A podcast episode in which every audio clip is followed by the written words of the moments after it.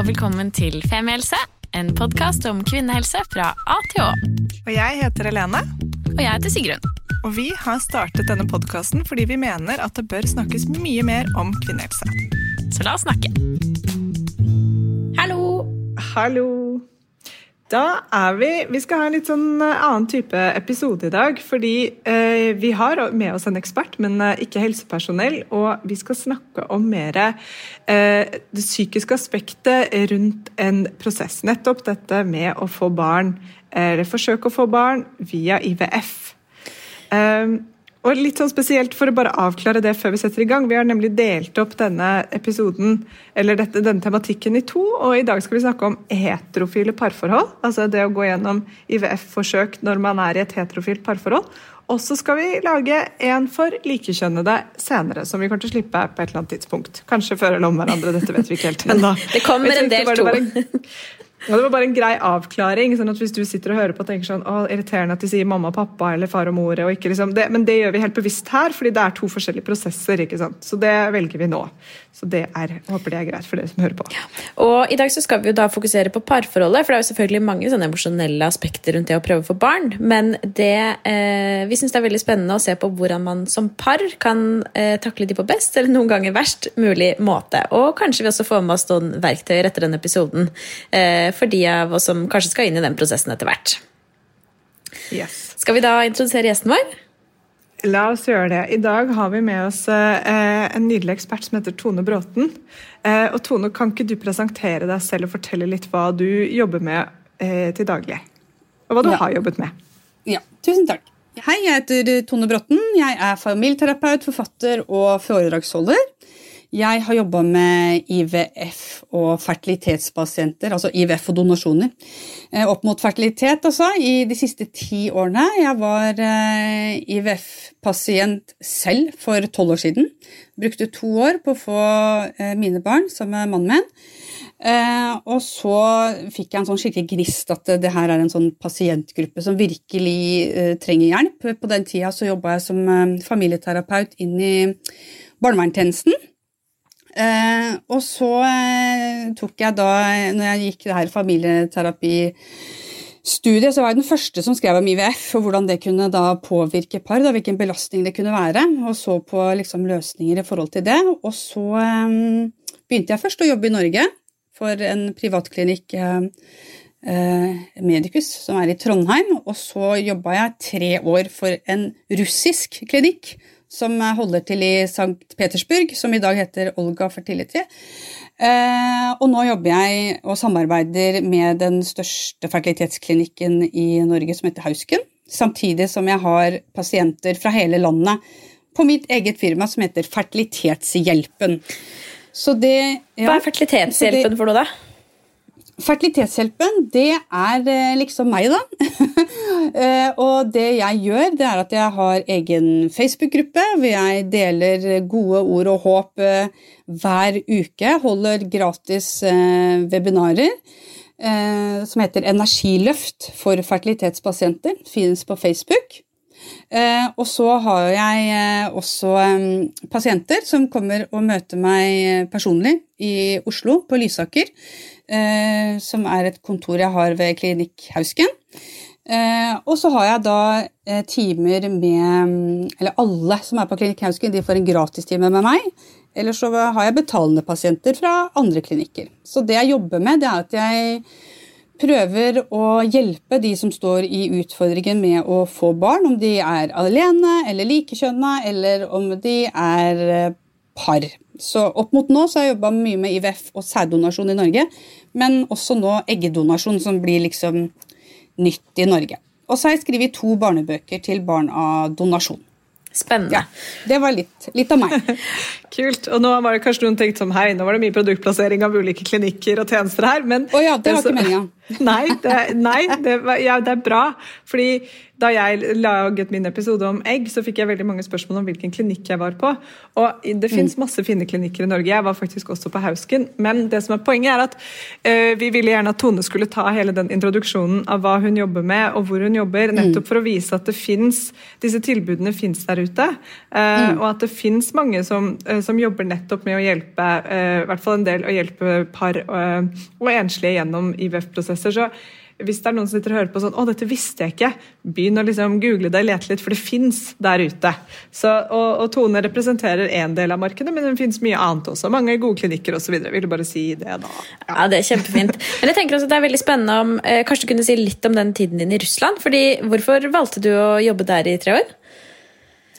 Du, vet du hva? Det var fordi at eh, jeg jobba jo som terapeut for ufrivillig barnløse, og det er jo ikke bare Klinikk Hausken som sendte meg pasienter da, det var jo fra, fra, alle klinikkene, både offentlig og privat. Men så var det sånn at eh, når par skulle begynne med eggdonasjon, så var jo det annet ikke lov her, eller at enslige skulle ha behandling og måtte til Danmark. Altså måtte, jeg så at det var så mange som måtte til utlandet. Og så jobba jeg på en klinikk der samarbeidet med en god venninne av meg som har akupunktur, Vibeke, som driver Klinikk Fjell. og hun eh, sier til meg en dag at Tone, det kommer en, eh, en lege fra Russland til Oslo. Og du må møte henne på frokost på et hotell i Oslo. Så tenkte jeg ja, det kan jeg gjøre. Prat litt med henne. Og så hun, forteller hun meg, at, eh, hun legen, at eh, ja, de skandinaviske damene de, de, visste hva de ville. Det var de som liksom hadde, hadde fått Eh, fått de på tanken da, om å lage, lage en, en, database med donorer, bl.a. For de ville vite mye om donor. Mange ville det. Eh, og så syntes hun de var litt sånn krevende. Ikke krevende fordi de ville ha mye, men fordi de ofte var veldig følsomme og kunne vise det å gråte veldig lett, og det var ikke de helt vant til. Så de lurer på hva skal jeg gjøre med disse pasientene. Og så sier jeg nei, men det er ikke noe problem, du kan jo bare sende de til meg. Så det skjedde. Det gikk ikke mer enn to-tre uker, så hadde jeg plutselig tre dager i uka med eh, seks-sju par om dagen som jeg snakka med fra hele verden, som skulle gjennom eh, de siste IVF eller donasjoner. Så sånn skjedde det. Wow. Det er en sånn ja. Eh, morsom, morsom, kort reise. ja, absolutt. Og det var helt, helt fantastisk erfaring. Veldig, veldig. Som jeg har bruk for den dag i dag. Mm. Da nærmer vi oss eh, kanskje litt, eh, eh, litt, mer på tematikken her også. nettopp det at Når det er så mange som, som, har et behov for å prate med deg, hva er, det, hva er behovet, hva er det det ligger i? Altså, hvorfor kommer par og trenger en samtale med deg? Ja. Det er et stort spørsmål, da. Vi kan godt snevre det litt inn, men ja. Jeg liker store spørsmål. Det går fint. eh, nei, vet du hva, de kommer jo som regel til meg fordi at de altså, her, de fleste de blir jo overraska når de sliter med fertilitet. For mange så kommer det her som et sjokk eller som en overraskelse. De har prøvd eh, som regel lenge hjemme sjøl, Eh, og så har kanskje sexen begynt å bli litt utfordrende, fordi eh, de må ha sex akkurat ved eggløsning, og man får beskjed om å prestere, og altså den intimiteten blir litt sånn forstyrra. Plutselig så handler det om å lage et barn, fordi man blir jo frustrert når det ikke går med en gang, eller i hvert fall i løpet av første halve året, kanskje, så begynner man å bli litt nervøs så er det jo sånn i Norge at eh, har det gått tolv måneder, så er man jo liksom i betegnelsen den her ufrivillig barnløs, og du kan få mulighet til å få hjelp, ikke sant? Eh, og så er det det å Når plutselig eh, en klinikk blir liksom en del av noe som egentlig skulle være privat, og det blir utfordrende, og så kanskje man får da beskjed om at det er noe gærent med sæden, da kan det være skambelagt for en mann. Det kan være utfordringer eh, med kvinnen. Eh, vi kvinner kanskje vil dele det mer, da, men det blir at paret står i en situasjon hvor de blir litt usikre på hvem skal vi støtte oss på, hvem skal vi dele det her med, hva skjer, og så kommer det plutselig en sånn uvisshet, fordi de går inn i et prosjekt med energi og kanskje penger og alt, og så og så, og så vet de ikke helt sikkert om produktet kommer. De vet ikke når eller om det kommer. Og det kan være veldig sånn ulogisk for den kognitive delen av hjernen vår, at vi skal gå inn i et prosjekt, og så vet vi ikke hva som er utfallet. Som regel så kan vi betale oss ut av, og vi kan snakke oss ut av utfordringer vi får i livet, men her må vi bare liksom legge hele barneprosjektet i hendene på spesialister eh, og håpe på det beste og gjøre det de forteller oss. Og det kan være en belastning i seg sjøl for et par å gjøre det. Det treffer meg veldig det du sier, Tone. Jeg kjenner at jeg blir liksom rørt, på en måte. At jeg nesten får liksom tårer i øynene. fordi Eh, nå skal ikke denne podkasten handle om meg, altså. nå, jeg tok jo akkurat ut egg, eh, og det er en helt ja. annen ting. fordi det er ikke sluttfase barn nå. Men jeg kjenner meg mm. utrolig godt igjen i det du sier om at det er plutselig er det noe medisinsk over noe helt naturlig, og jeg kan ikke kontrollere det. Det, mm. Alle de tankene jeg hadde de, de, eh, ti dagene før hvor jeg drev og satte hormoner på meg selv og sånn Shit, tenk om vi ikke får ut noe egg. Tenk om alle ser skikkelig dårlige ut og ikke kan fryses. Tenk om liksom, tenk om liksom, tenk om liksom, tenk om liksom. Og til å være en mm. voksen dame som vanligvis er sånn Nei, nei, ikke tenk om liksom. Vi bare fikser det. Eller jeg fikser det. Jeg tar tak i dette. Jeg, jeg, jeg ordner. Det var mm. kjemperart å være så uh, ute av kontroll, da. Og uten å vite. Og, og, fortsatt så vet jeg jo ikke en, om disse eggene kan brukes, eller hvordan de kommer til å funke, og bla, bla, bla. bla, bla. Men mm. jeg, jeg, mm. akkurat det du sa der med at det er en sånn Hei, vi begynner på en reise vi ikke aner endestasjonen mm. på. Det, den, det, kjenner jeg skikkelig igjen fra min korte, mm. bitte lille første stasjon av reisen, liksom. Mm. Mm. Og det, det, det, jeg, det, er litt morsomt at du tar opp Bare denne uka her så hadde jeg en pasient som hun var alene og hadde vært og tatt ut egg. Hun bare 'Veit du hva, Tone', jeg følte jeg, Og så hadde hun satt inn igjen, da. Og jeg, jeg, følte meg som en sånn gris som ble inseminert. Det var ikke denne måten det skulle skje på. Jeg skulle ikke gjøre dette alene. Mm. Ja, det sier noe om hvilken tanke man får.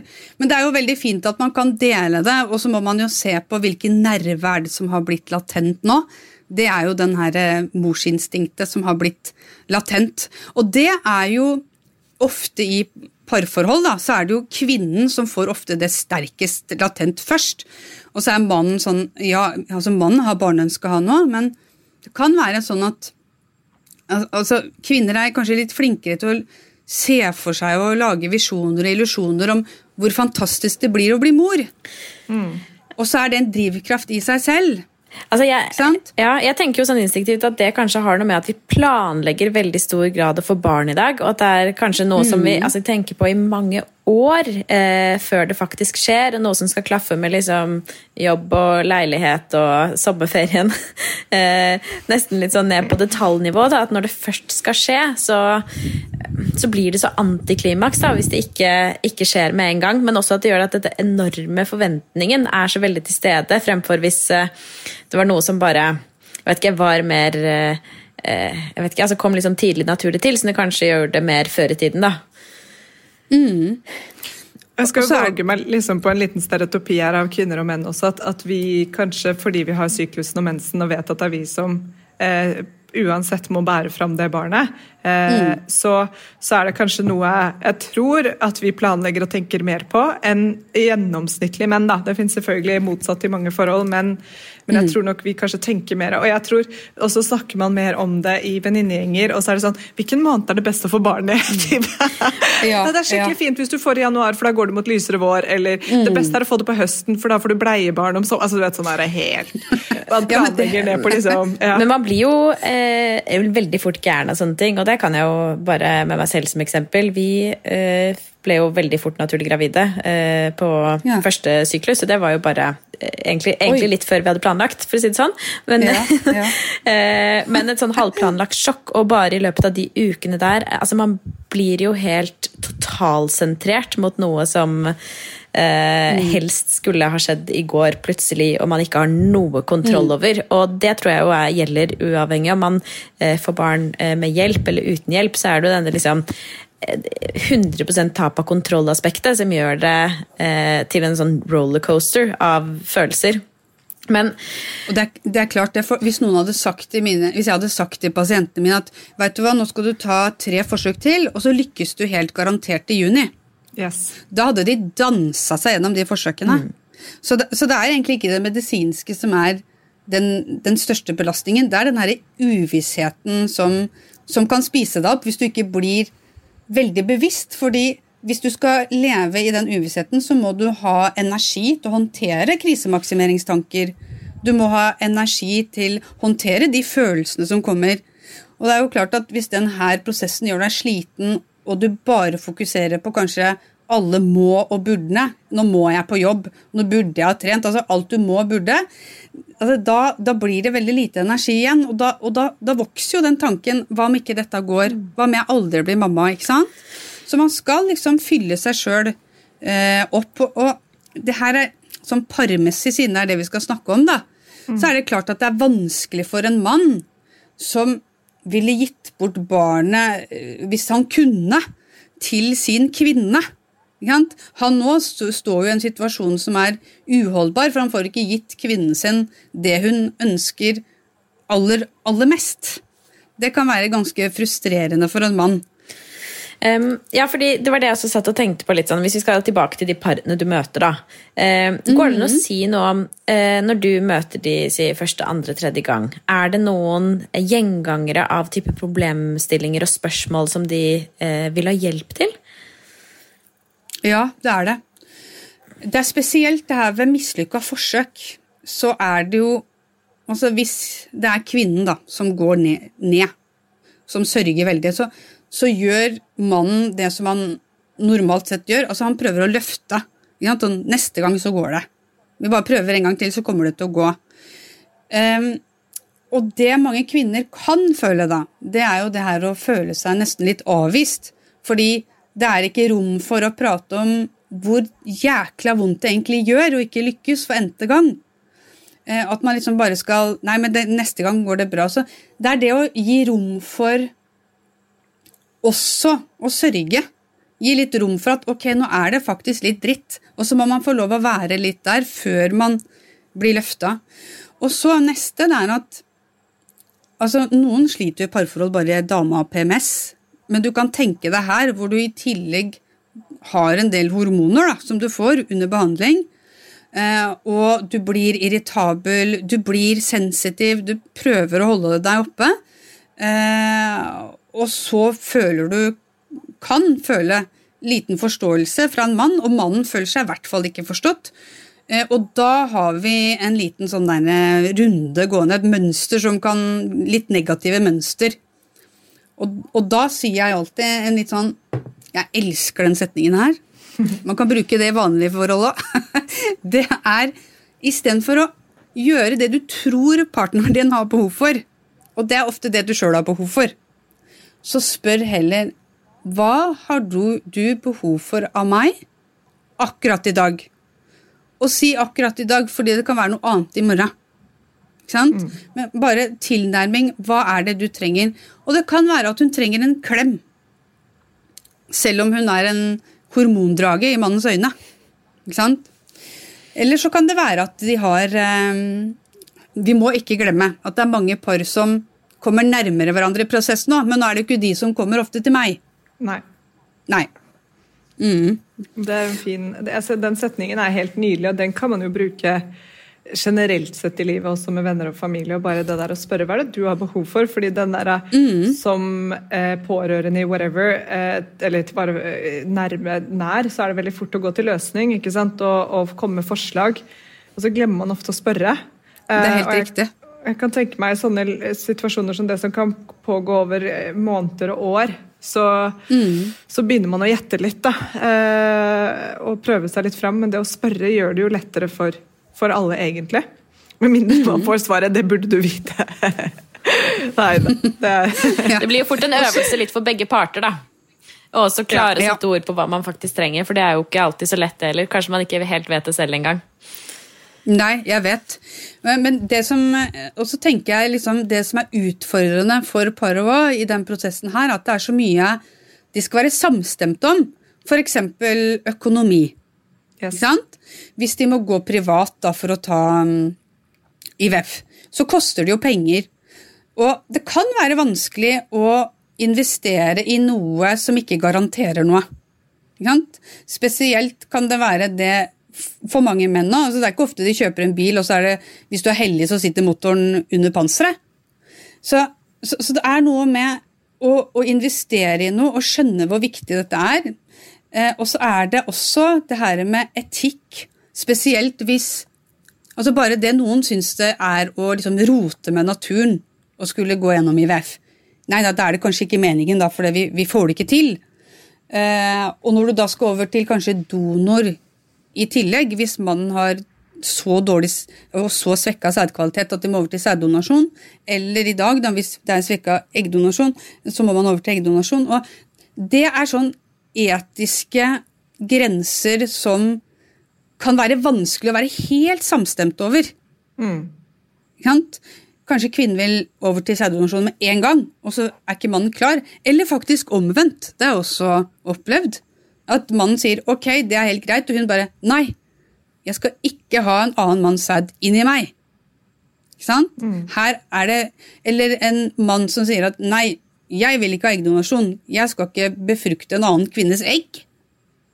Mm. Skjønner dere? Det er noen store etiske spørsmål som er veldig fint å kunne snakke om. Det er kjempestort og, og så eh, teknisk avansert og så mye man skal sette ja. seg inn i. og og, og, hva skal jeg si, Du må liksom bli god på sånn abstrakt tankegang da, og se for deg og liksom lande i følelsene oppi dette. og Hva er viktigst? ikke sant? Er det mm. viktigst at vi to går liksom, At du blir gravid og at vi føder, eh, eller du føder, og at vi liksom oppdrar et barn sammen? Eller er det viktigst at det er våre gen? Det er så utrolig mange store spørsmål rundt deg, det og det skjønner jeg at liksom og, når det blir kastet på toppen av en reise som man trodde egentlig skulle ende med IVF, og så plutselig kommer donasjon inn som, et, eh, som enda mer som man må ta stilling til, det, yes, det skjønner jeg godt at gjør mye med hodet da, eh, og følelsene. Og, mm. og, og parforholdet også. Mm. Men Tone, hva sier du til par da som kommer inn og kanskje er i en diskusjon hvor de eh, er uenige om hvor langt de skal gå? Mm. Hvor mye de skal gjøre? Altså, ja, hvor mye de skal investere i dette prosjektet, da? Da mener jeg ikke mm. bare økonomisk, men også emosjonelt, selvfølgelig. Ja, emosjonelt. For det første så, så eh, man, man, må få lov å bruke litt tid. Man må få lov å bruke den tida man trenger. Eh, dessverre så er det litt sånn, i hvert fall når det gjelder å gå over til donasjon, så er det sjelden man liksom våkner opp med en sånn 100% følelse og tenker at ja, vi gjør eggdonasjon, eller ja, vi gjør sæddonasjon. Det her er etiske prosesser som kommer sånn litt etter litt. Eh, svaret på hva man, hva man, skal gjøre. Så tid er liksom litt sånn magisk, tenker jeg. Og det kanskje å akseptere at oi, kanskje ikke den 100% følelsen kommer. Det som er viktig, det er jo hva er det som er helt lineært? Er barneønsket like sterkt? Er det det er det det vi ønsker skal være på en måte produktet, uansett hvor langt er vi villige til å gå for at vi to skal bli foreldre, for at vi skal over til neste nivå eh, i livet, for at vi skal innfri behov og forventninger. Eh, og det er jo det man må stille seg selv spørsmålet, fordi er, det, er dette her foreldreinstinktet trigga, så så er det vanskelig å stoppe òg, fordi jeg sier alltid at vi har to sterke instinkter som vi er født med, og det er formeringsinstinktet, og så er det eh, overlevelsesinstinktet. Mm. Og det er jo klart at Hvis du møter motstand på en av de, så skaper det sterke reaksjoner. Så man kan jo se på for eksempel da, jobbe med par. Er donasjon en mulighet, eller er det et nederlag? Ikke sant? Hvordan skal vi formulere det? Hvordan er det for dere? Så må man normalisere alle tanker og følelser, både i forhold til IVF og donasjoner. Og i et par, hvis det er sånn at kvinnen har vært gjennom, eller paret da har vært gjennom mange mislykka forsøk, så er det ikke bare bare å fortsette med noe som man ser at kvinnen blir helt nede av. Hvor er hun jeg ble mm. forelska i? Hvor er den kvinnen som jeg ble sammen med? Og mange kvinner som sier 'jeg kjenner ikke igjen meg selv'. Og da må vi jobbe med det. Hva er, hva er grunnpilaren i forholdet? Hva er det vi kjenner igjen hos hverandre? Hvordan skal dere være et par samtidig som dere går gjennom behandling? Og veldig viktig, hvilken type nybakte foreldre skal dere være? Og for å være det dere ønsker, det, hvordan skal dere investere dere i selv og paret? Vi kan sette det litt i barneperspektiv, da. Mm. Det veldig fine ting du sier, Tone. Jeg, jeg bare tar en sånn kort anekdote fra min egen lille egguttak. Det jeg ja. tenkte mest på, var takk Gud for at jeg ikke skal sette inn noe nå. altså, jeg, jeg, var så ferdig! Jeg var så ferdig, jeg var helt sånn der, Og det var ikke en helt jævlig prosess, det var det virkelig ikke. Det var helt Nei. fine. Men jeg var jeg bare kjente sånn at uh, eggstokkene mine var jo kjempehovne. I, I uh, ti dager etterpå så hadde jeg liksom Hva skal jeg si Jeg kjente meg stinn og uh, måtte tisse hele tiden. og det var liksom, Jeg hadde nok fått i meg en god dose hormoner der. Um, og jeg var bare sånn der Fy fader, hvis dette hadde vært starten på en graviditet nå Så da gikk jeg oppi alt, da. Prisa meg lykkelig for at jeg ikke skulle bli gravid. Men ja, så det er jo noe med det. Og det jeg, det tenkte, da tenkte jeg, fikk jeg sånn akutt empati for uh, folk som da kan ha den mm. heftige prosessen, og inngangen i noe som Sigrun også da kjenner seg godt igjen i at er en ganske heftig greie i seg selv, nettopp det å gå gravid, og så mm. føde, og så sitte med en nyfødt baby, og så alt det. Så du har en sånn uh, du kan, Noen kanskje kan starte litt på minusen, da, eh, mm. istedenfor at det er eh, et digg ligg eller whatever, og så er man eh, i gang, på en måte, med alt det det innebærer. Mm. Absolutt. Og så tenker jeg også sånn, Det er kjempefine spørsmål, Tone, men det er også ganske store, skumle eksistensielle spørsmål. Eh, jeg tror kanskje Absolutt. Hvis man allerede føler seg litt utenfor seg selv da, og utenfor paret at eh, Jeg kunne også blitt nesten litt redd eh, over å skulle gå i en sånn veldig selvrefleksjon over liksom, hvem er vi og hvem skal vi være, og liksom, hvorfor er vi sammen, nesten. ja. Så det er jo litt sånn Man blir jo også tvunget veldig inn i, inn i, den situasjonen også, hvor man ja, rett og slett står litt på mm. pinnen da, og må ta stilling til de valgene der. Og det er jo også en, en heftig prøvelse for, for et par. Jeg, jeg, opplever at veldig mange par trenger å normal, altså det å bli normalisert litt. At det, at det, er normalt at det er kvinnen som ringer til klinikken. Det er normalt at det er hun som styrer og ordner eh, og liksom får med seg mannen. Og det er normalt at mannen er faktisk liksom den som holder opp stoppe prosjektet ved å være mer positivt over tid. Det føler jeg veldig mange menn er. At, det, mm. at de ser, og de er mer sånn konkrete, ser på statistikker og uh, suksessraten for å lykkes. Ja men, ja, men, nå går det. Men alle som skal holde håp og motivasjon oppe over tid, må få lov også å ta pause fra det her. Må få lov å dette litt i bakken og miste og ikke orke mer. og da pleier jeg å si til mannen, da, for hvis en kvinne sier ja, nå orker jeg ikke mer, og nå vil jeg ikke ta et forsøk til, og så sier jeg ikke, ikke se på ordene, se på handlingen. Hva er det du tror hun gjør? Jo, hun kommer til å begynne på forsøk igjen. Ja, se på handlingen. Det er der håpet ligger. For det er det som kommer til å gjøre henne gravid. Det er jo handlingen. Mm. Ikke, ikke, ikke, ordene hennes. Så mm. sånne ting er jo viktig å prate om.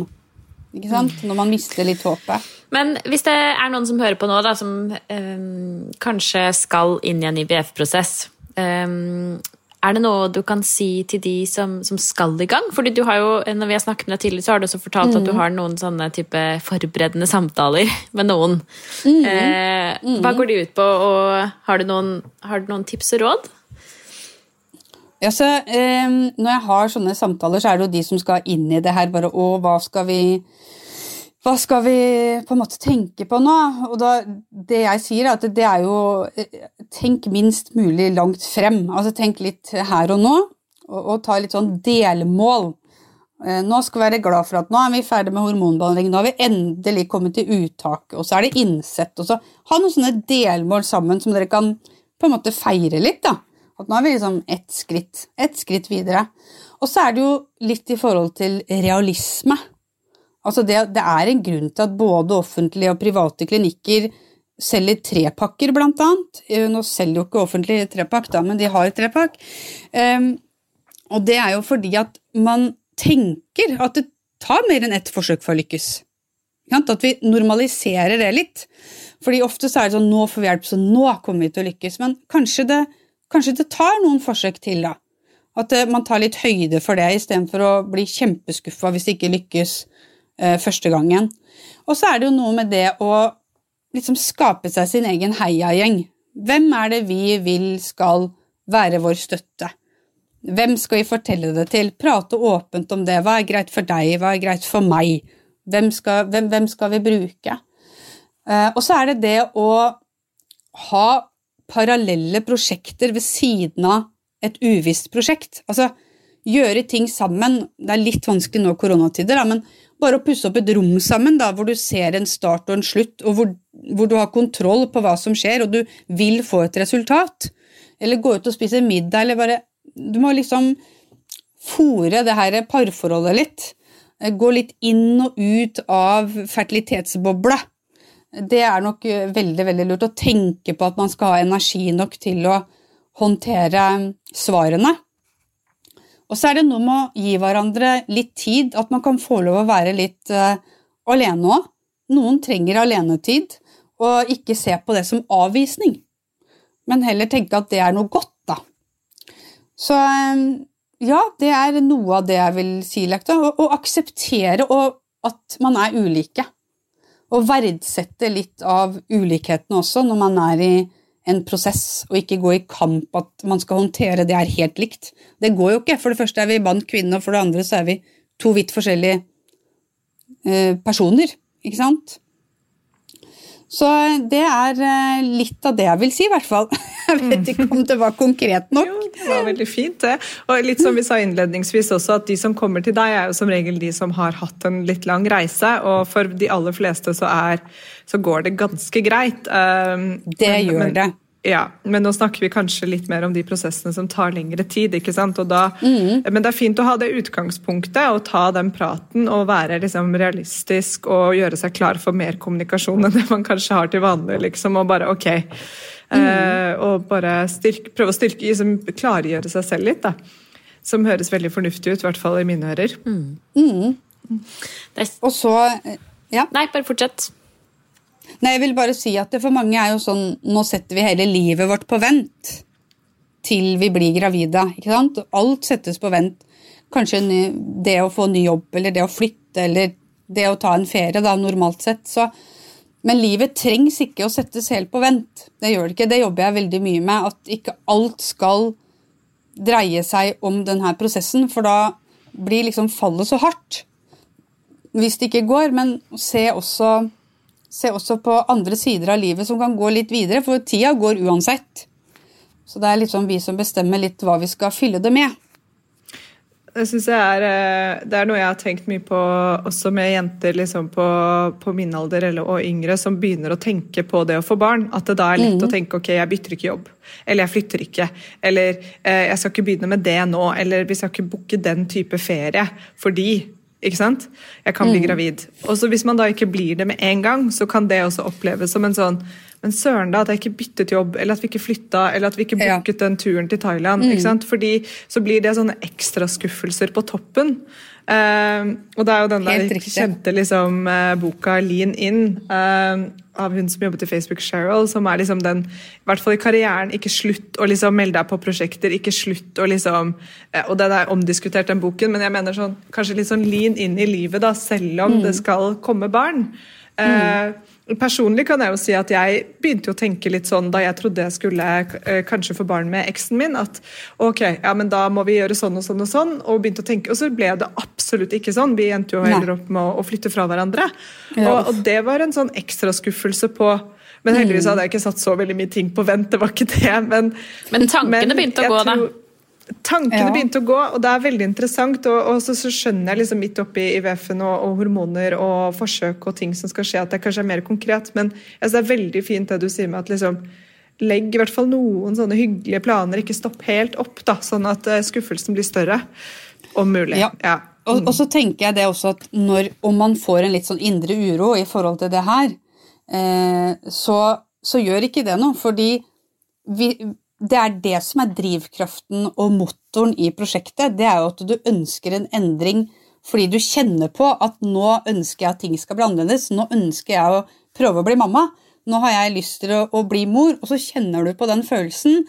Eh, og, og, det er egentlig bare positivt. For det, hvis vi kjenner på at eh, ok, nå har jeg det ikke så veldig bra, så, så vil vi over til noe annet. Så vi trenger en sånn liten sånn uh, indre uro for å mm. starte. Uh, og er det sånn at det blir vondt da når man mislykkes første gangen, f.eks. under et IVF-forsøk, så, så, skal man vite at eh, den sorgen speiler bare ønsket ditt, og er du, det er du avhengig av. Du kan ikke, du kan ikke på en måte gå, gå fra et mislykka forsøk og være likegyldig, for hvor er barneønsket ditt da? Veldig godt poeng. At uh, sorg er kjærlighet, da. Uh, så, og sorg er et ønske om noe som ikke ble, eller uh, Ja. Så det, mm det, man føler på der, er jo nettopp den drivkraften som du sier. At ok, dette, skal, dette ønsker jeg så mye at derfor så sørger jeg over det. Mm veldig fint så er det okay. liksom i, i, kjærligheten til et barn i bunn. Ja, ja, det er kjempefint. Og kanskje også og er, et fint sted å begynne å, å runde av også. Eh, mm. For etter denne episoden så har vi jo faktisk med oss en historie. Ja, ja. Eller to. Eller to, ja. Vi får se litt. vi jobber i hvert fall med saken. Eh, hvor du da får møte ett eller flere par da, som har vært gjennom IVF-forsøk. Um, ikke, ikke, legg på helt ennå. Ikke legg på helt ennå, men jeg syns du har uh, sagt utrolig mye fintone. Um, mm. Både det om å stå i en prosess som er lang eller kort, men også det jeg tenker det er veldig viktig det du har sagt om å forberede seg litt som, som par.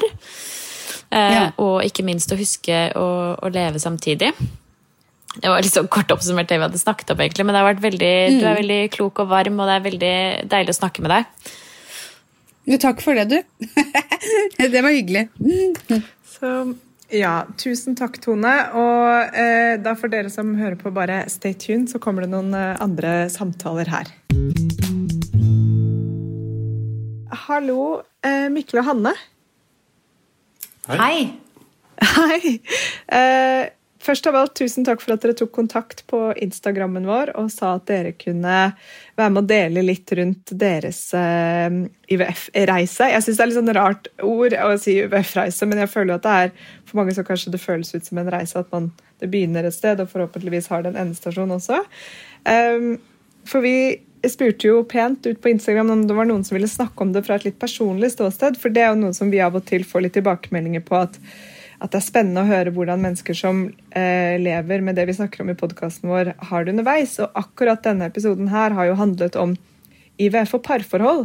Eh, som jo var før jeg begynte denne podkasten ikke noe jeg reflekterte så veldig mye over, men nå skjønner jeg jo mer og mer at herregud, det å, å stå i noe sånt sammen kan jo virkelig liksom påvirke en som par på godt og vondt. da. Um, så veldig hyggelig at dere hadde lyst til å bruke litt av en mandagskveld på å snakke med, med meg om dette. Um, så kanskje dere har lyst til å si litt først om hvordan denne eh, reisen begynte for dere, hvis man kan kalle det det? Ja, vi snakket, jo, vi snakket jo litt om dette i forveien, og det der med at det var en reise. og Da sa vi det vel sånn at du startet på en ferie, men du visste ikke hvor du skulle, og du endte i hvert fall ikke opp der du hadde lyst til å komme. For det er jo litt sånn det føles av og til.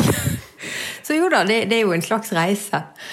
Um, dette startet jo for oss egentlig for snart tre år siden.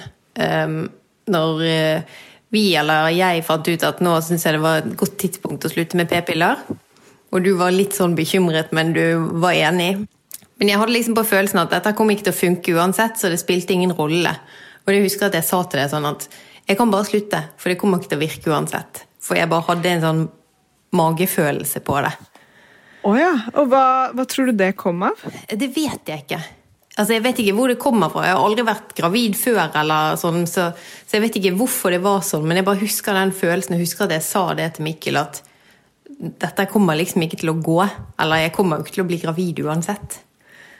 Fordi Det er litt rart, fordi den samme følelsen har jeg også alltid hatt. Litt fordi jeg kanskje aldri har hatt en jevn syklus. Jeg har aldri heller vært gravid, selv om jeg har vært ganske flink til å passe på å bruke prevensjon og bla, bla. Men jeg har altså hatt den der samme magefølelsen. Jeg lurer på om bare noen av oss føler oss mer eller mindre fertile. Og så er jo ikke det sånn at det alltid stemmer, da. Eh, heldigvis eller ikke heldigvis. men ja, nei, jeg, jeg bare synes det var interessant, for jeg, akkurat, jeg har aldri følt meg sånn smack, smack, jeg kommer til å bli gravid på første forsøk-person. Mm. Men jeg har ikke prøvd heller, da. Sånn egentlig så veldig lenge. At jeg, kan ikke, jeg kan ikke si om det stemmer, om min magefølelse er rett eller ikke. Vel, Men ja. satser på at du tar feil. ja, ikke sant. Ja. Nå har jeg uansett hvert fall disse eggene liggende klare, da, så ja. Vi får se. Det er den tid, den sorg eller glede.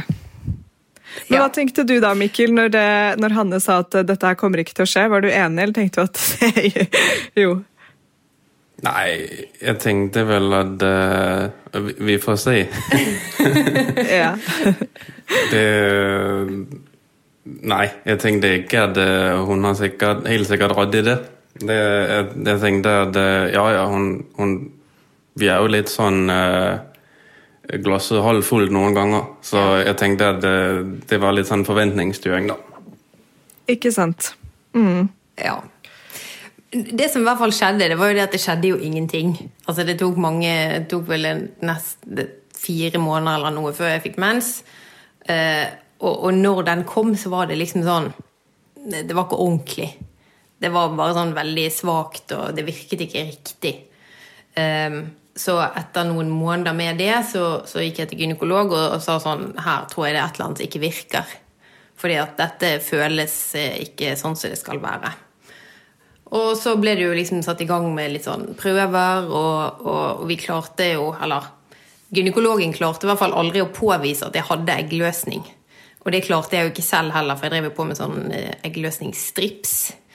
Um, så det ble vel liksom det nærmeste vi kom en slags sånn diagnose etter hvert. Um, så har de jo forskjellige, forskjellige medikamenter de kan bruke for å gi eggløsning, eller prøve å gjøre at det skal bli eggløsning. løsning. blant annet noe som heter Femar og litt forskjellig. Og så prøvde vi en del runder med, med ulike typer. Uh, Femar og Provera. Uh, men, men ingenting av det gjorde noen forskjell. Sånn at når vi nærmet oss jul, så sendte vel han legen en henvisning til Rikshospitalet, var det vel. Og så eh, blir man jo liksom rullet inn i venting og ja, vente og se at noe skal skje. Hva tenkte dere da, da? Var det liksom sånn ok, nå lander vi i dette, eller var det liksom Jeg Eller var det ikke bare at jeg sånn, ringte pappa og spurte hva jeg skulle gjøre. Eh, det, jeg vet- ikke. Det der er så lenge siden. For det er jo noe, Ja. det er jo noe av greiene her. Sant? At det er en litt sånn strikk som du strekker hele veien. Og når du starter, så ser du ikke helt for deg alle de tingene du skal gå gjennom. Og så etter hvert så gjør man mer og mer og mer som du aldri trodde at skulle bli nødvendig, eller at du skulle komme dit.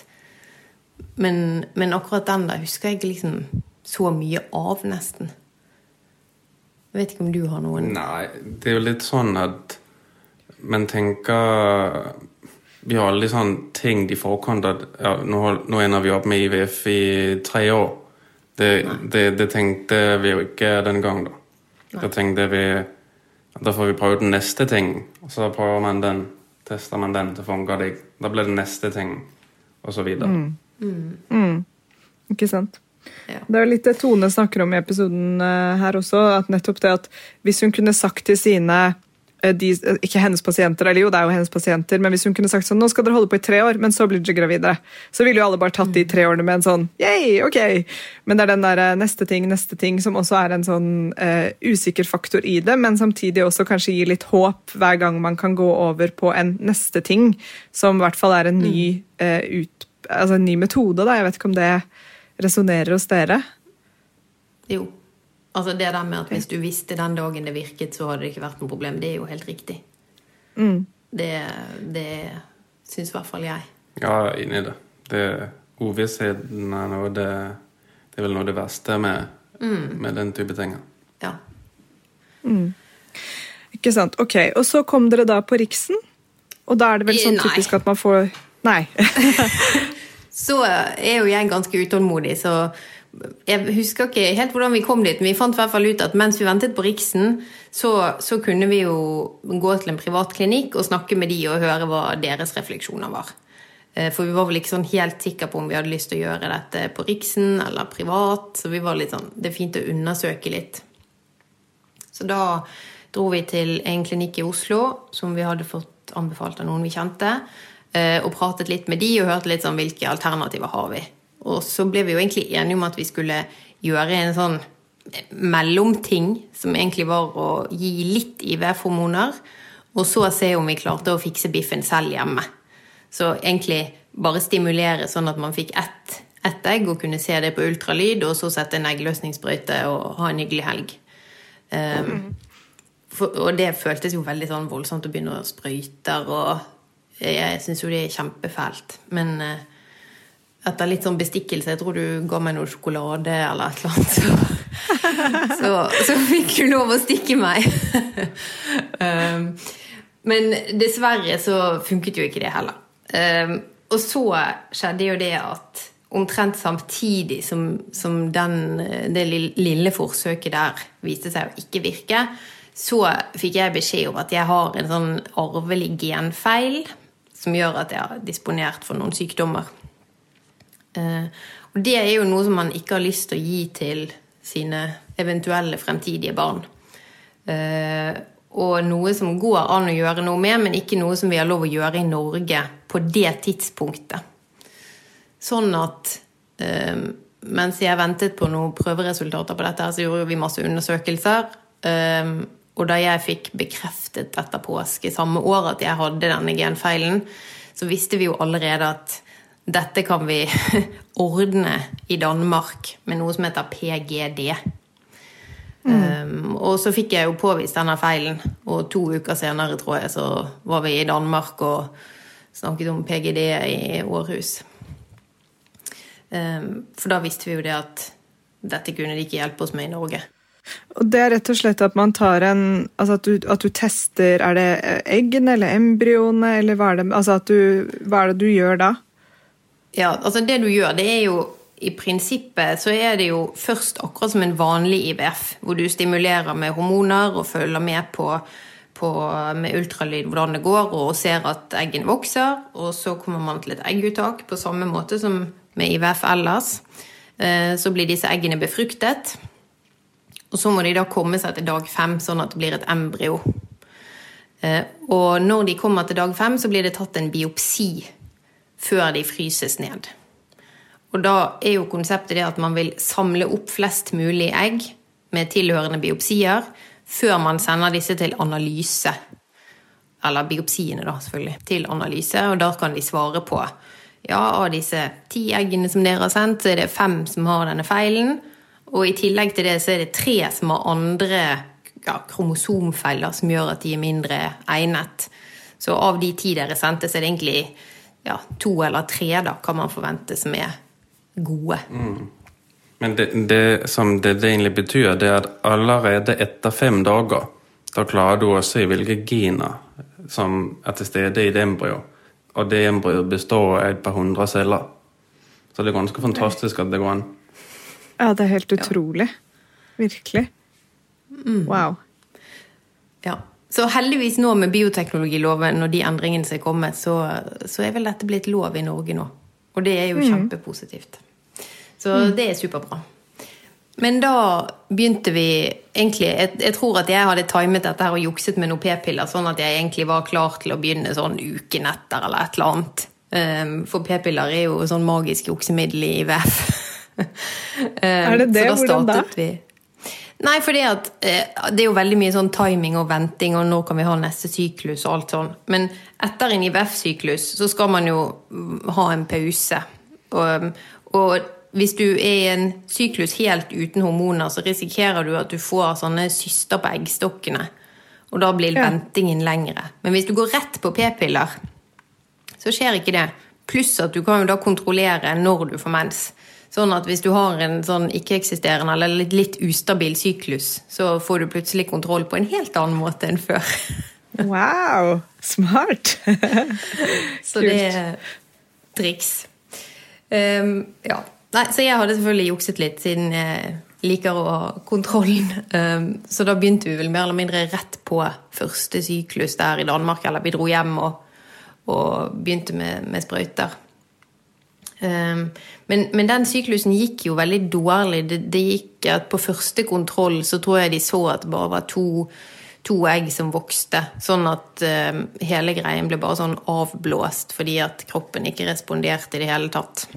Så det var jo uh, veldig kjedelig og veldig stressende og ja, kjipt på alle måter, egentlig. Um, og så ble det sommerferie. Uh, men etter den sommerferien da, så hadde vi tre runder med uttak i Danmark. Hvor vi hadde først én syklus som gikk bra. Vi fikk, ut, vi fikk til slutt tre embryoer i fryseboksen. Eh, Og så hadde vi én syklus som gikk dårlig igjen, og det var null, null som gikk i fryseboksen. Og så i slutten av november så fikk vi tre til på frys. Um, ja, skal vi jo kanskje Hvordan- bare uh, si at fordi vi gjorde denne genanalysen, så satte vi jo ikke inn etter hvert forsøk. Så vi kjørte et forsøk, og så alt gikk på frys, og så starta du forfra. da. Ikke sant. Nå bare jeg lurer på liksom da den, altså den sommerferien og oktober-november altså Hvordan har dere Hvordan er stemningen da? liksom? Er det sånn håpefullt og at yes, vi kan dra til Danmark og gjøre dette, eller er, blir dere slitne da? Sikkert en kombinasjon. Jeg bare liksom lurer litt på hvordan det er å stå i det. da. Ja, altså for min del så, så tror jeg jo at i hele det forløpet vi har hatt nå, da, nå er vi jo kommet et godt stykke lenger i tid i hvert fall, så, så er det liksom den perioden der fra sånn mai til ja, november, at, at det var egentlig den tøffeste perioden for meg. Og jeg husker det sånn som at jeg, jeg var ofte så sliten at jeg bare lå og gråt på sofaen om kvelden, for det er sånn at kroppen blir bare helt knust. Mm.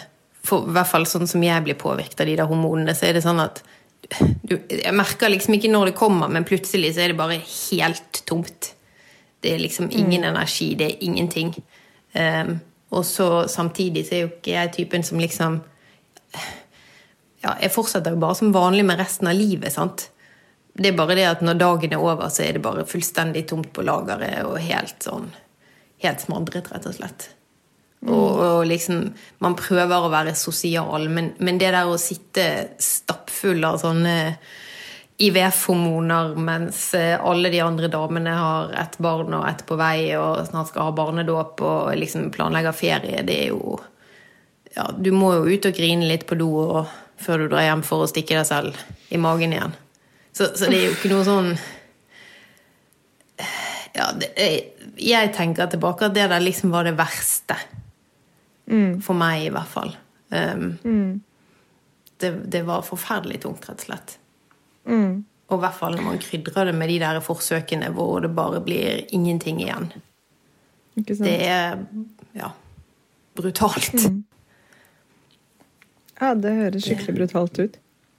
Det, det er klart at vi, vi hadde ikke tenkt da at med den måten vi gjorde det på, så gikk vi på en måte for den mest krevende pakken du kan gå for. da. Eh, For vi fikk jo all, vi gjorde all jobben, men vi fikk ikke den positive delen av opplevelsen, da, eller muligheten, eller hva skal man si, det håpet som folk går med når de da har vært gjennom den prosessen.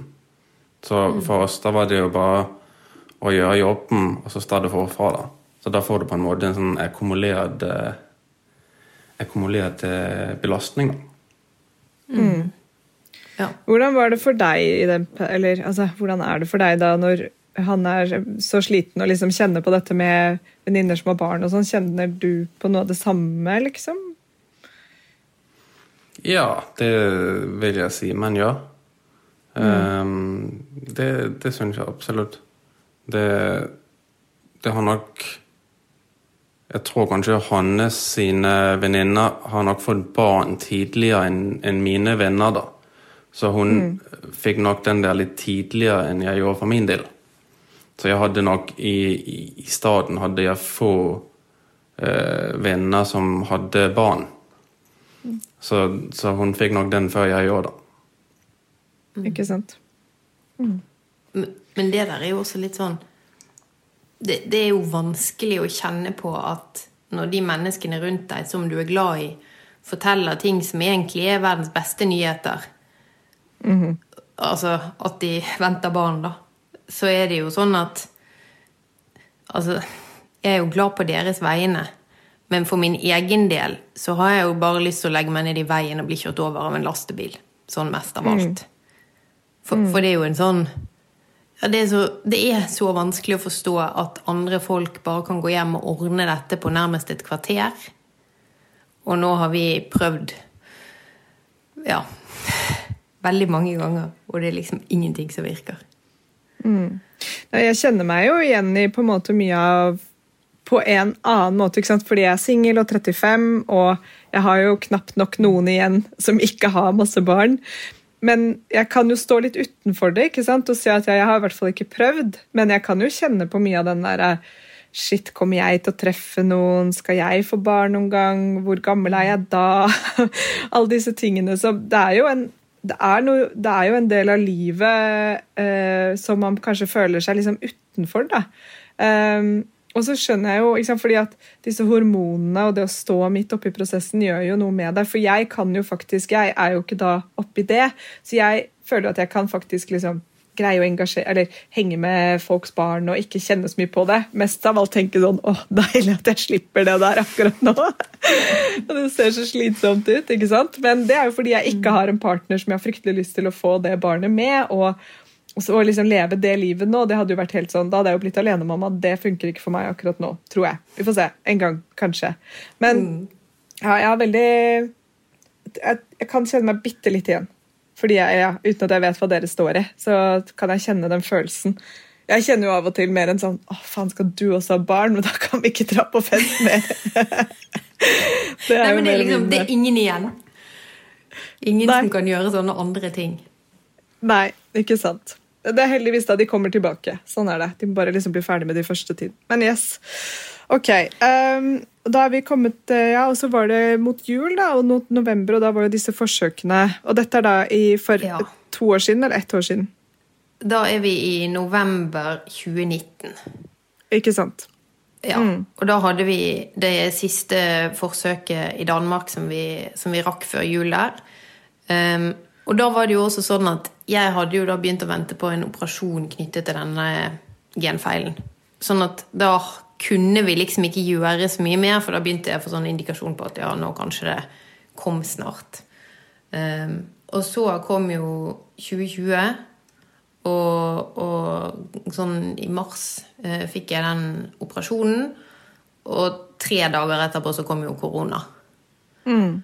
Og det var jo da vi egentlig skulle dra til Danmark og bruke disse eggene. For, for mm. det som også hører med til historien, det er jo det at når vi kom der til november og på fire forsøk hadde fått seks egg på, eller seks embryoer på frys, så hadde vi jo også kommet dit at dette med å gjøre PGD var så vanskelig fordi at jeg produserer ikke kjempemasse egg. Eh, og de skal jo overleve alle de andre trinnene også, så eh, da måtte vi Eller vi ble enige om at vi måtte gi opp det hvis vi ville få barn, at det ble, det ble en sånn belastning oppå bare IVF-delen. At den eh, ga vi opp. Mm. Og det var jo veldig sånn kjipt der, men jeg tror at i etterkant så har vi tenkt veldig lite på det. I hvert fall jeg. Mm. At vi går liksom ikke og tenker sånn Shit, hvorfor ga vi opp det? For jeg tror, i hvert fall for min del så ser jeg jo det at hvis vi skulle fortsatt med det, så hadde vi jo ja, da hadde vi jo ikke kunnet gjøre noen ting så lenge korona var et problem. Ja, ikke sant.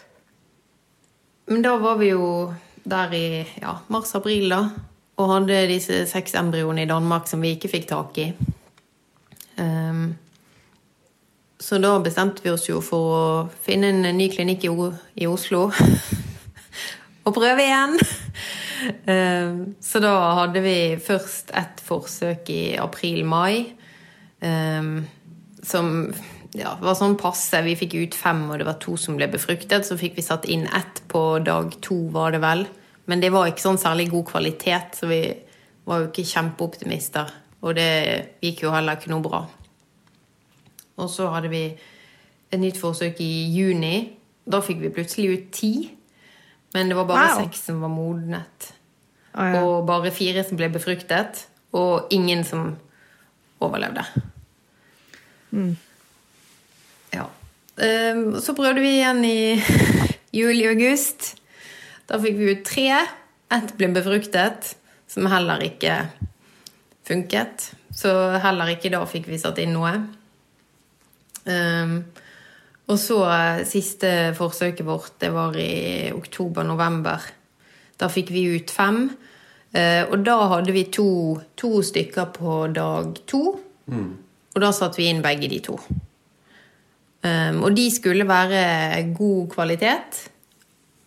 Eh, ja, jeg tror det var god, de sa. Uh, men det funket jo heller ikke. Mm. Så um, da hadde vi jo Da hadde vi jo brukt opp den pakken pluss det ene enkeltforsøket som vi hadde kjøpt der i, i eh, Oslo. Um, og da hadde vi jo holdt på en stund. sant? Nå har, når vi er kommet så langt, så har vi liksom hatt ni runder med hormoner og syv uttak. Og ja, vi har disse her eh, seks i Danmark som vi fremdeles ikke kan reise til. Um, og da kjente jo i hvert fall jeg at jeg har veldig lite lyst til å kjøpe en ny trepakning her i Norge og liksom starte med nye uttak og alt det som det innebærer. Um, for det er jo ja, krevende. Så da var jo spørsmålet om vi kunne få tak i disse her som var i fryseboksen i Danmark, om de kunne komme til Norge. Og det kunne de heldigvis. Yes. ja, det var vi veldig glad for også. Um, så etter litt sånn frem og tilbake så ble de sendt uh, til Norge. De kom vel i begynnelsen av desember, tror jeg. Mm. For det var akkurat sånn at vi ikke rakk å sette og gjøre et forsøk før jul. Uh, så da gjorde vi et forsøk nå i januar-februar med et av disse her fryseembryoene. Men det gikk heller ikke, dessverre. Mm. Um, og da har vi jo kommet så langt at vi har hatt tre mislykkede innsett. Og da er det jo litt sånn Hm, er det noe mer her som er litt vanskelig? Um, så da anbefaler jo klinikken at vi gjennomfører noen sånne tester av endometriet. Både for å se om vi setter inn på riktig dag, men også for å se, eller, si noe om hvordan eh, miljøet er, eller hva de sier. Altså, det er jo litt sånn forskjellige betennelsesgreier og sånn som de kan teste for. Mm. Så det er det vi holder på med nå. Så skal ta de prøvene om to uker. Og så får vi se. Shit. Wow. Jeg kjenner at jeg, får, jeg sitter og blir helt uh, rørt. Eller jeg vet ikke hva, jeg blir i hvert fall veldig berørt av historien. Um, og at jeg bare heier så utrolig på dere to. Uh, Fy søren. Men uh,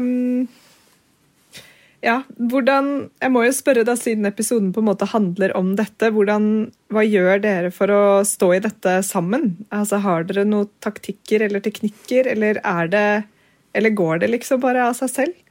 Eller går det ikke av seg selv?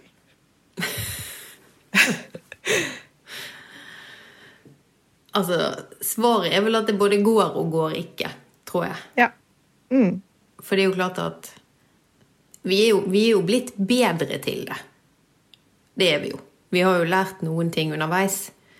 Men eh, du, når vi snakket om det her om dagen, så sa du det så fint med den uh, mobile Det bildet ditt med mobiltelefonen. Å, jeg skal få si det med mobilen? Ja, si mobileksempelet ditt. Ja, nei, Det vi snakket om, det var at jeg hadde en sånn sammenligning at jeg er sånn type som aldri har strøm på mobilen min. Den er alltid eh, på under 20 da.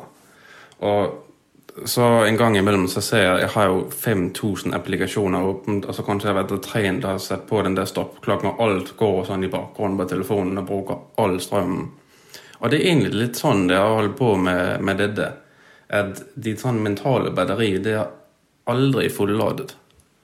Det, det, er sånn, det er alltid en sånn prosess som går eh, bak i hodet ditt, som som tar eh, energi eller batteri. Mm. Ja. Mm. Ja, det er litt sånn det føles. Det er alltid liksom en sånn derre Og så, så det er jo litt sånn at nå har vi vært hjem Vi har vært hjem nede en del ganger. Så du vet jo Vi vet jo hvordan det føles, og hvordan det blir. Men det blir likevel sånn Du, du klarer liksom ikke å, å forberede på det, eller endre På en måte endre måten du er på, sånn at det, at det blir enkelt eller lett å ta Nei. de nederlagene. Det blir hatt hver gang. Mm. Jeg tror vi er blitt mer forberedt på at det skal gå dårlig. Det er i hvert fall min innstilling. Jeg forventer alltid at det skal gå dårlig. Sånn at mm. jeg, jeg, begynner liksom å avskrive det tidlig. Jeg pleier alltid å jukse med noen tidlige tester. Og da får jeg liksom bekreftet det at ja, nå går det dårlig denne gangen òg. Da kan jeg liksom bruke denne dagen her på å ha det skikkelig dårlig. Og så er det litt mindre når vi kommer dit at vi liksom tar den endelige testen og får vite at ja, ok, det har gått dårlig. At man liksom smører det litt sånn utover en lengre periode istedenfor å Jeg klarer liksom ikke å gå tro i de to ukene at nå går det bra, og så få det der som en sånn gigasmell. Men jeg tror jo at den, Vi har jo liksom én felles overlevelsesstrategi, i hvert fall. Og det er jo det at når vi kommer dit at vi ser at ok, nå har det gått dårlig, så er det stort sett sånn ok, noen timer med å være Eller en time med å være sånn veldig skuffet og gråte og ja, kjenne på det. Og så ender det stort sett alltid med at vi setter oss ned og tenker sånn Ok, hva gjør vi nå? Når, når kan vi prøve neste gang? Hvordan kan vi gjøre dette? Hva, hva er det vi vil Hva er det vi har lyst til å gjøre annerledes, eller hvorfor tror vi at dette ikke funket, eller Å liksom legge den planen. Og det syns i hvert fall for meg hjelper. Det er veldig mye. For da klarer man liksom å se fremover og si at ok, ja, men vi tar en runde til. Men samtidig så er det jo Jeg kjenner jo det på slutten, når du liksom begynner å nærme deg sånn, slutten av en sånn syklus, så kjenner jeg jo det sånn Jeg orker ikke mer Jeg orker ikke en runde til. Jeg orker ikke tanken på at vi skal begynne dette på nytt. Kan det ikke bare være så snill å virke nå? Men hvis ikke vi gjør det, så Ja. Da skjer det jo ingenting. Så vi må jo bare videre. Nei, det er eh, Ja, jeg vet ikke hva jeg skal si. Jeg føler jo Livet er jo bare noen slag man ikke kan se for seg. Og av og til. Og dette her er jo som Jeg syns det er veldig fint det bildet med den mobilen som, som har alle applikasjonene oppe. Eh, den følelsen, og det kan jo være mange ting i livet som kan gjøre at man føler det sånn. ikke sant? Om det er at man eh, går gjennom et samlivsbrudd eller at man har en sorg i livet. Men det å føle at det er noe som man skal på en måte leve hverdagen sin, men det er noe man er i en prosess med, og som er heftig. da. Og jeg skjønner veldig godt at dette her er superpåvirkende. Um, altså, tusen takk for at dere ville være med og snakke om dette. Jeg vet at det er mange som hører på som kjenner seg igjen i historien deres, og som har vært uh, med på kortere eller lengre reiser, og det har endt på ulik måte. Så jeg er sikker på at det er ganske mange som sitter og hører på, som syns det er deilig å høre om For vi snakket jo om det, Hanna, nettopp det der med at å ikke hø alltid høre om 'og så gikk det bra', men å høre om noen som bare står midt oppi dritten akkurat nå, Ja. og at det faktisk bare er skikkelig dritt eh, når det ikke går bra. Eh, og sånn er det. Og så selvfølgelig så kan jeg tenke meg at alle som hører på nå, og selvfølgelig meg selv inkludert, krysser alt vi har for at nå skal disse små danske vidundrene bare feste seg, og, og det skal løse seg. Åh, det hadde vært det fineste som kunne skjedd. ass. Nå jeg skal sende all energi jeg har på at dette her bare skal gå bra. Jeg kan, jeg kan ha noen eh, apper i og bakgrunnen åpne for dere. Bare, bare prøve å ta noe av den. oh, ja. Ja. Nei, fy fader. Eh, er det noe dere vil legge til før vi avslutter, eller har vi runda rundt? Altså, dette er jo sånn tema som vi, Det går jo an å snakke om i fem timer. ja, Det er jo det eneste vi driver med. Profesjonelle. Ja. ja. ja. Nei, men, men det er jo som du sier, det er jo forferdelig hardt. Men jeg syns jo også det at det å høre om andre som har det hardt, det er jo kjempegodt. Det er jo deilig å vite at det liksom ikke alle andre blir gravide på et kvarter helt hjemme for seg selv. Nei. Så. Jeg er helt enig. Det er ingenting som er bedre når man blir singel og hører om alle andre som også akkurat har gjort det slutt. Og det er Ja. ingenting som er bedre enn dette her. Å høre om andre som også ikke får det til. Det er, felles, det er felles fiende eller felles sorg er veldig deilig. Vi trenger det, fordi det er jo, og det er jo litt av poenget med å lage disse episodene for oss også, er jo nettopp det der med å vise at Vet du hva, livet er er- Livet er ikke det du ser på Instagram. Sånn er det bare ikke. Eh, det er veldig mye rundt og opp og fram og tilbake. Man ser liksom bare tuppen av det. Så ja. Nei, men eh, tusen takk skal dere ha. Så ønsker jeg dere bare uendelig masse lykke til med prosessen videre. Og måtte korona bare roe seg ned, så ting kan gå litt mer sånn i normalt gjenge. Um, Og så håper jeg at dere finner ut av det på klinikken, om det er noe annet man kan gjøre som kanskje kan løsne litt på det. Det hadde jo vært helt strålende. Jeg vet jo hvilken klinikk dere er på, og jeg vet at de er skikkelig flinke, så krysser fingrene for at eh, de slår til med ja, det de kan. ja. Tusen takk. Takk. Det Ja. håper vi også. Ja, takk skal dere ha. Tusen takk for at du hørte på podkasten vår. Selv om det forhåpentligvis kommer tydelig frem, så vil vi understreke at vi ikke er helsepersonell. Ja, så Som vanlig, kontakt legen din om du har noen spørsmål, eller om du skal begynne på noen form for behandling. Og har du et tema som du har lyst til at vi skal snakke om, eller noe ris eller ros, så send oss gjerne en melding på Facebook eller på Instagram. Der finner du oss under Femihelse. Mm. Og du kan gjerne rate oss på iTunes, det er skikkelig hyggelig for oss. Ha en fin dag! Ha en kjempefin dag!